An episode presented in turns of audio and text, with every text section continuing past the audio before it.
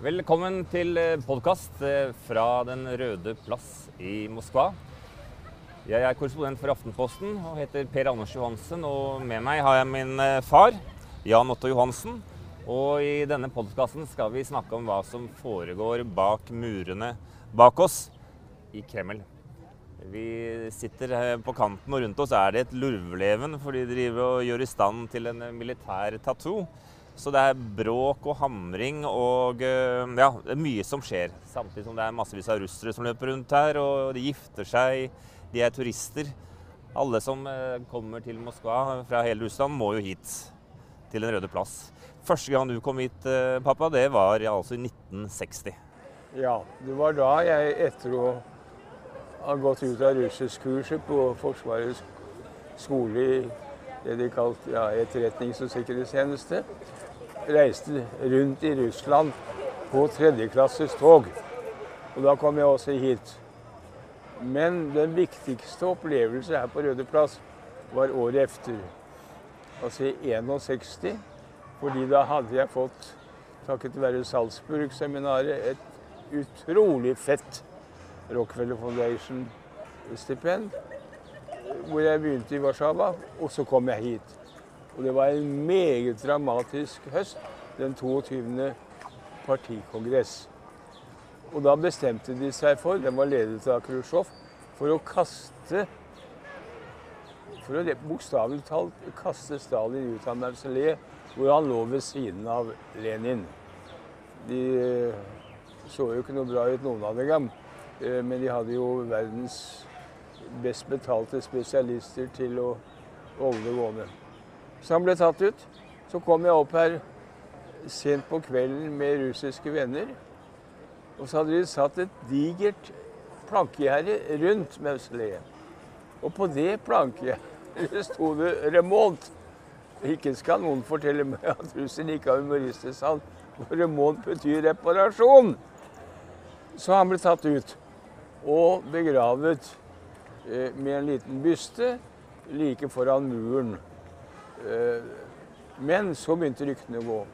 Og de mente jo at eh, for at ikke noen skulle grave ham opp igjen og bruke deler av ham, slik det ofte skjer i sånne tilfeller, at han var blitt malt opp i en kjøttkvern og spredt overalt. Altså, jeg har aldri vært i noe land hvor du hører så mye rart, og hørte så mye rart som i Russland. Temaet for denne podkasten er jo livet inne bak murene i Kreml. Og vi kan jo så vidt her skimte kontorene til eh, Putin. Eh, og herifra styres altså verdens eh, største land. Og hvis vi går tilbake Ja, Største land i geografisk I geografisk forstand. Ja. forstand i absolutt kun i geografisk forstand. Ingen supermakt lenger.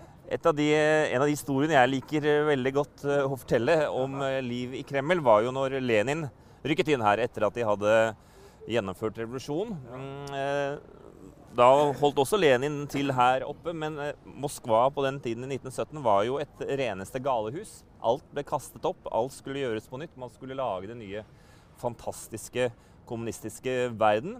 Og Lenin han eh, fikk av og til eh, litt tilbakeslag, så han fikk bygget da oppå toppen av det huset her et lite kott, hvor han lå og sov eh, om kvelden for å kunne bare komme vekk fra alle de gærne rødegardistene som løp rundt han og skulle ha ordre. Jeg skjønner ham. Og jeg kunne godt tenke meg et lite kott på Den røde plass i dag også, for å komme vekk fra dette forferdelige eh, blanding, mylder, av det perverst nyrike og fortsatt det enkle. Hvordan vil du beskrive den utfordringen det er å styre et land som uh, Russland? Alle store land er vanskelig å styre. Det er ikke noe enkelt å styre Amerika. Det er ikke noe enkelt å styre noe stort land. Men Russland strekker seg over en masse eh, tidssoner. Fra Finskebukta til Beringstredet. Og klimasoner fra arktiske eh, tundra, skogsområdene, taigaen, steppene. Altså, det er enormt i kontraster geografisk, klimatisk og menneskelig ved at eh, det er ikke bare russere som bor her, men han har to viktige uttrykk. Det ene er ruski. Ruski, det er russisk. Det er russisk. Og det russiske blir ofte også eh, synonymt med det ekte menneskelige. Men så er det noe som heter rasiski. Og det er området Russland og de som bor der. Så hadde vi uttrykket sovjetski, det var sovjettiden, det. Og så har man pravoslavni, altså de rettroende kirken, som nå er kommet tilbake. Og det er de som bestemmer her. Lenin er ferdig. Ja, og Noen snakker vel også om at det snart er på tide å fjerne Lenin? Noen, selveste Putin, mener at Han har sagt det. At Lenin plasserte en atombombe under det hellige, gode russiske folk. Det er jo en meget negativ beskrivelse. Eh, ja, jeg tror det er et tidsspørsmål før de fjerner Lenin. Eh, Stalin er jo fjernet, men Stalin kommer da til Deler av Stalin, for å si det mer nyansert, kommer til å leve videre også på Den røde plassen. Hvis vi drar tilbake ca. 100 år tilbake i tiden, hvor eh, Kreml egentlig var et ganske forfallent sted. For eh, Russland ble jo styrt fra St. Petersburg under tsarene. Men kommunistene valgte jo å flytte inn her for å bygge Sovjetunionen. Og ja, hvordan skal vi beskrive måten eh, Lenin og Stalin styrte eh, Russland? Det var veldig forskjellig. Lenin var jo en brutal diktator. Men han hadde evne til å knytte til seg folk.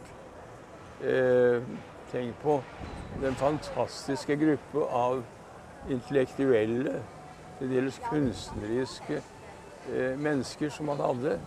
Trosky, Bukharin, Sinoviev Altså, det var en utrolig mengde av begavede mennesker. Stalin han var skeptisk, så han holdt en helt annen avstand til sine omgivelser og eh, var redd for folk som kunne være skal vi si, dyktigere enn ham eller, gi ham motforestillinger. Men her inne bak muren til Kreml så levde jo et veldig isolert liv og, og privilegert eh, liv. Og også litt paranoid liv. De var jo livredde for at noen ville ta livet av dem. De var, eh, og det var det jo noen som ville. Eh, og her inne sørget de for at de fikk eh, goder som ingen andre eh, i det sovjetiske samfunnet kunne drømme om. Herregud, altså. Eh, Dattera til en av disse pampene stjal jo kjøtt som de hadde fri gang til som hun da solgte på svartemarkedet for at familien skulle få litt mer. Også. Men eh, nå er det spørsmål hvor holdt Stalin de fleste av sine sene eh, selskapeligheter, sine sene nattrunder. Og det er veldig viktig. Eh, det er ikke på restauranten oppe på, på, det som heter Nutverskaja. Han var der også, som gruser, georger. Nei, det var på Kreml. Og vi var det ikke på Kreml, så var det på noe som het Blizjnaja Dacha, den nære Dacha, eller sågar Dachnaja Dacha. Den Dachaen lå helt nede ved Svarthavet på Sotsji. Og da ble de innkalt først ved titida om kvelden. Spiste godt, drakk veldig mye. Han sørget for at de ble pæra fulle. Og så hadde Stalin moro av å la disse kærlene danse med hverandre. At kvinner danser med hverandre i Russland, er helt vanlig. Det ser du overalt. Men at menn danser med hverandre, er mer uvanlig. Og det har ingenting med homofile å gjøre. Han bare gjorde det for å drite dem ut. Og jeg tenker på i dag at Molotov måtte danse med Malenkov. Og Malenkov måtte danse med Khrusjtsjov sånn tre-fire om natta ja, da må jeg bare begynne å le, selv om det er veldig alvorlig. Så absurd var det, altså. I sin fantastiske bok om eh, Kreml så skriver Catherine Marindale om eh, datteren til Molotov, som jo eh, var en av de privilegerte som levde her inne i Kreml.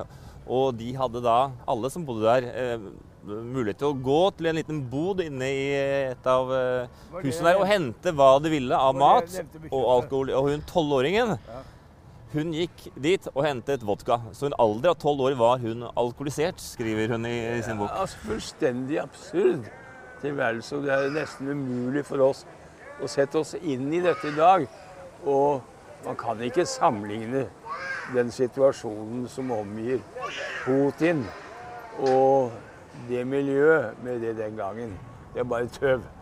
Nei, vi må gjøre et uh, stort hopp nå, fordi at uh, det som jo er det viktigste for uh, oss i dag, er jo hva Putin driver med her inne i sine kontorer, hvordan han styrer Russland. Som journalist så vet jeg at hver gang jeg har Putin i overskriften hjemme i Norge, så øker leserne. For folk er veldig opptatt og bekymret. Vi opplever Putin som en uberegnelig person som kan finne på å gjøre hva som helst. og og Derfor bør vi nok fortelle litt om eh, hvordan Putin styrer. Ja, det, den som kan si noe sikkert om det. Men der leser jeg veldig mye rart. Også i norsk presse og i vestlig presse.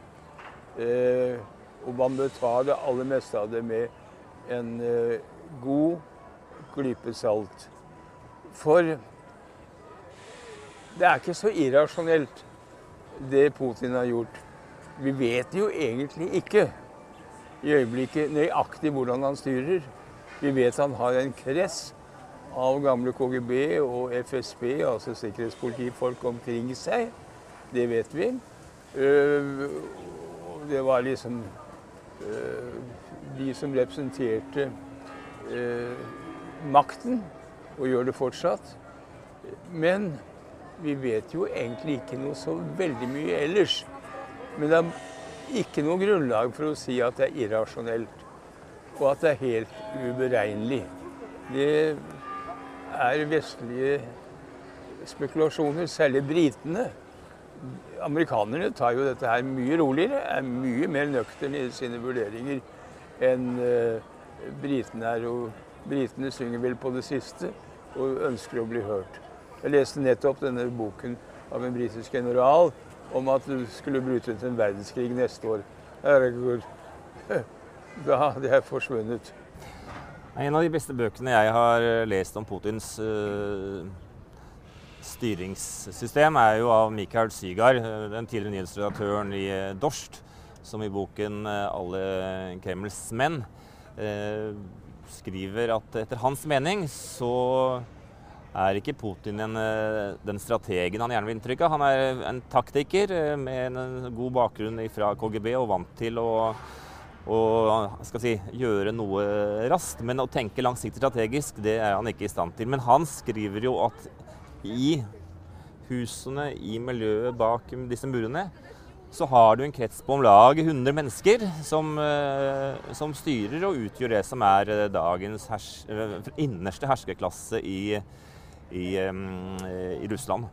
Og han, han, mener jo at Putin Putins egentlig sterkeste drivkraft eh, i det meste av det han gjør. Introducing Wondersuite from Bluehost.com. Website creation is hard, but now with Bluehost, you can answer a few simple questions about your business and get a unique WordPress website or store right away. From there, you can customize your design, colors, and content And Bluehost automatically helps you get found in search engines like Google and Bing. From step-by-step guidance to suggested plugins, Bluehost makes WordPress wonderful for everyone. Go to bluehost.com/wondersuite.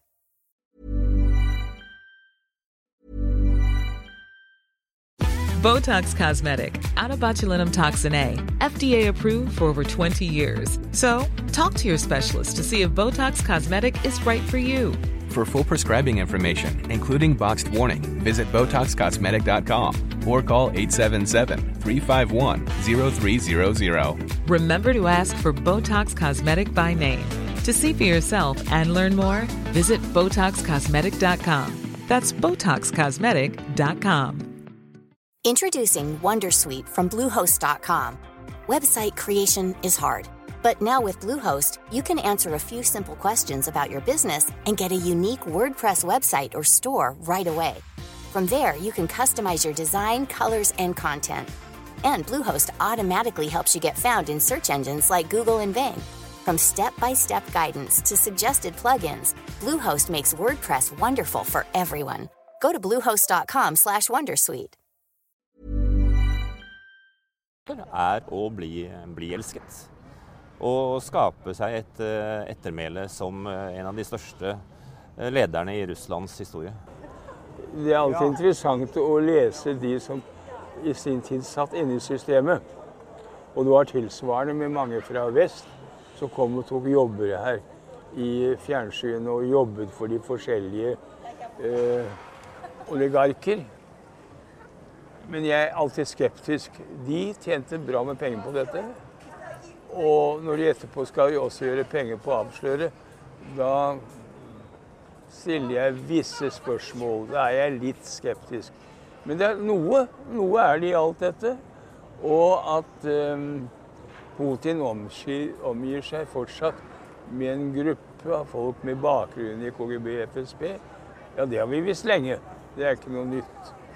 Og at han um, kanskje ikke er den store, store strategen, muligens. Eh, taktiker, ja. Og det er ikke noe spekulativt. Man trenger ikke å uh, ha så mye fantasi for å forstå at han vil jo helst gå inn i historien. For det første uh, holdt på å si levende. Han ønsker ikke å bli avsatt og skutt, som de aller fleste sovjetiske ledere i sin tid ble under Stalins prosesser. Var først med Khrusjtsjov at de, fikk, de begynte å overleve. Eh, han ville gjerne gå inn i historien. og Kanskje han ønsker å faktisk bli respektert. Muligens elsket av det russiske folk. Men det vet vi ikke. Det er rene og skjære spekulasjoner. Det er, men det vi iallfall vet, er jo at eh, Putin, når han eh, tok over makten her i 2000 for 16 år siden, så var det jo et Russland som var nesten sprekkeferdig. Det var jo mange som spekulerte i at Russland ville bli delt opp i, i flere biter. Eh, at uh, man hadde, han hadde nettopp fullført den andre krigen i Tsjetsjenia. Og på det tidspunktet var det vel mange som da mente at Russland faktisk hadde godt av å få en sterk autoritær leder. Det tror jeg absolutt. Og vi har i vest glemt hvor nær Russland var en fullstendig oppløsning. For da hadde Sovjetunionen gått i oppløsning. Og de som sier at de er overrasket over hva Putin senere foretok seg, de kan jo ikke ha fulgt med. Han sa jo først at eh, oppløsningen av Sovjetunionen var den største geopolitiske katastrofe i vår tid. Du kan ikke si det sterkere. Og gang på gang i møter med vestlige ledere på konferanser i München og mange andre steder, så gjorde han det klart at dette aktet han å gjøre noe med. Men hva, det visste vi selvfølgelig ikke, og vi vet fortsatt ikke så veldig mye om det, selv om vi har annekteringen av uh, Krim. Nei, vi kan ikke si noe helt sikkert om dette heller. Uh, jeg mener ikke at vi skal gå tilbake til den gamle kremlinologien, kremlinologien, hvor man eh, fulgte alle slags merkelige tegn. F.eks. da Khrusjtsjovs tittel som førstesekretær, eh, første Pjervi-sekretær. Da var P plutselig blitt stor bokstav. Da skjønte man at nå var han på vei oppover. Og jeg var jo selv kriminolog. Jeg tror ikke så mye på kriminologien i dag. Jeg tror det finnes en del andre forklaringer som har med økonomien, økonomien å gjøre, de sosiale forhold. Og det enorme Russland som ligger utenfor rigdommen, den perverse rigdommen i Moskva og St. Petersburg og en del andre byer, og som aldri fikk del av den velstandsøkningen som mange russere fikk. Men det å styre da eh, Russland gjennom alle sine tidsstoner med over 22 republikker og over 46 oblaster ifra disse kontorene er jo en eh, jobb som eh, de fleste skal vi si, statsvitere og politikere vil si er fullstendig umulig når du prøver å samle så mye makt i så få hender som det Putin nå, nå driver med. Og nå i sommer har det jo vært flere utrensninger. Det er jo lenge siden vi har sett så mange hoder rulle i en Kreml som nå. En av de tingene som jeg syns er interessant, er jo at eh, Putin i de siste utrenskene har tatt inn en del nye ansikter. Eh, det er ikke bare sikkerhetsfolk som får makt, men også andre mennesker. Eh, men det er jo også et uttrykk for at eh, man skjønner her inne i Kreml at det som skjer og har skjedd de siste to årene, det kan ikke fortsette. Nei, og det gjelder også den russiske forsvarsmakt, som nå i vestlige medier og vestlig propaganda spilles opp til veldig stor og faretruende. Og så glemmer vi at den russiske forsvarsbudsjett fortsatt bare er noen få prosent av det amerikanske forsvarsbudsjettet.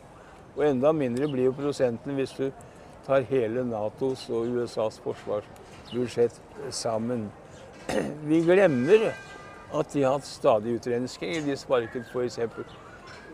en toppmann som var ekspert på interkontinentale raketter som var skutt opp fra landbaserte batterier. Han ble sparket da de, han eh, forsøkte å løse problemene med ubåtplasserte. Og nå har de sparket så å si hele ledelsen for Østersjøflåten, den baltiske flåten. Ja, der er det jo noe som skjer. Det er noen som tenker og innser at eh, også her i Russland at vi er ikke så sterke og kan true og gjøre hva vi vil. Så jeg mener at eh, det russerne kan gjøre, det de gjorde på Krim, det er med isolerte, velrettede, kommandolignende aksjoner. Og jeg har jo alltid vært kritisk til de som ville svekke Forsvaret i nord. Ikke fordi jeg trodde på noe uh, omfattende sovjetisk-russisk angrep, men legger du noe åpent, skaper et vakuum, så vil et vakuum lett bli fylt. Enten det er av russerne eller av andre. Det er en enkel regel.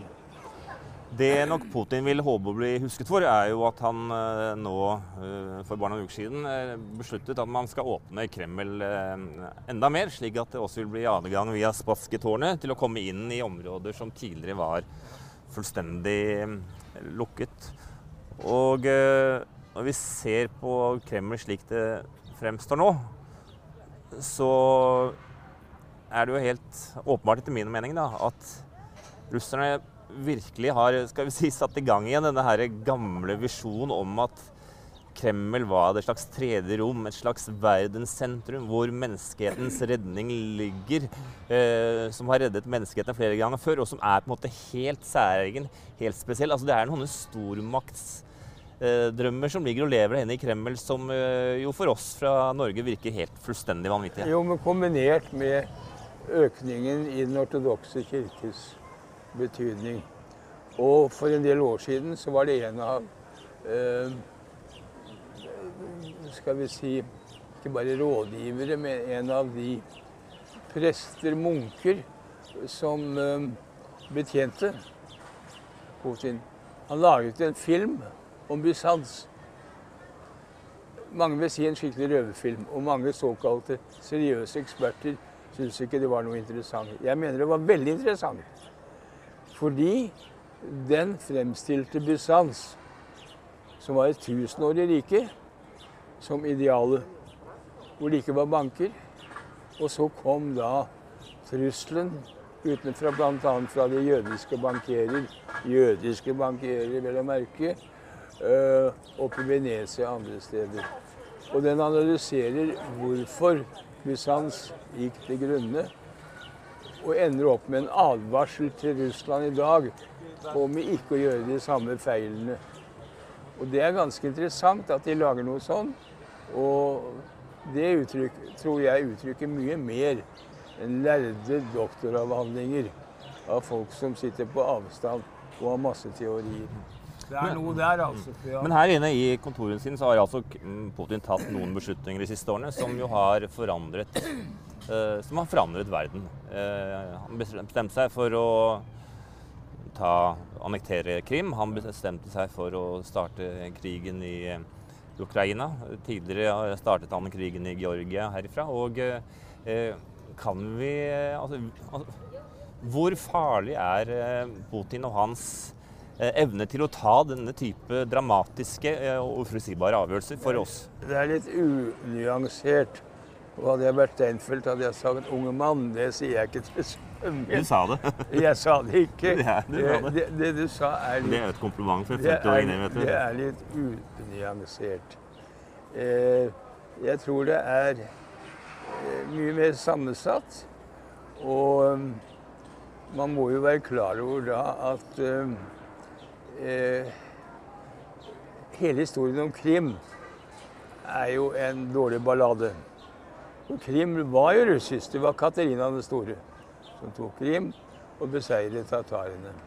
Som har vært undertrykt. Og tatarene var jo ikke akkurat snille, de heller. Eh, og så, kanskje i et anfall av dårlig samvittighet, så ga Khrusjtsjov Krim til Ukraina. Skulle, skulle han aldri ha gjort. Men du, nå tenkte jeg ikke å ta hele Krim-historien. Men det har aldri tilhørt Ukraina. Men har vi noen grunn til å være redd Putin? Og så er det et moment til. Der ligger da den russiske middelhavsflåten. Hvordan ville amerikanerne reagert om en fremmed makt som etter hvert blir mer og mer fiendtlig, hadde hele området og omringet en av deres viktigste flåter? Amerikanerne ville slått til like raskt som Putin gjorde. Det var ikke overraskende. Jeg sier ikke at det er riktig. Jeg forsvarer det ikke. Eh, Det var folkerettslig brudd på både det ene og det andre. Men det var noe vi ikke burde ha blitt så overrasket over. Og han varslet gang på gang at denne katastrofen som oppløsningen av Sovjetunionen hadde vært, den måtte de gjøre et eller annet med. Det er ikke noe nytt i dette. Ja, men konsekvensen av det han gjorde, eh, ligger jo i massegraver i det østlige Ukraina, hvor altså over eh, 10 000 mennesker da, har mistet livet de siste to årene. Men de er blitt sett fra begge sider. Og ikke kom og fortell meg at noen av sidene i Ukraina er uskyldige. Oligarkene de sitter hele tiden og skifter farve og støtter ditt og støtter datt. Og at det er russere, russiske eh, spesialister, kommandotropper som har kjempet i Ukraina, er jo ikke noe tvil om. Vi må jo ikke ha illusjoner om noe annet. Men det er også mye annet som er der. Og hele krigen i Øst-Ukraina, det er egentlig mer en borgerkrig mellom to grupper som ikke klarer å holde ut med hverandre, enn det egentlig er en krig mellom to stater. Men denne, ja, denne unge mannen her må jo tillate å gjenta spørsmålet en gang til likevel. da. Har vi noen grunn til å være redd for Putin?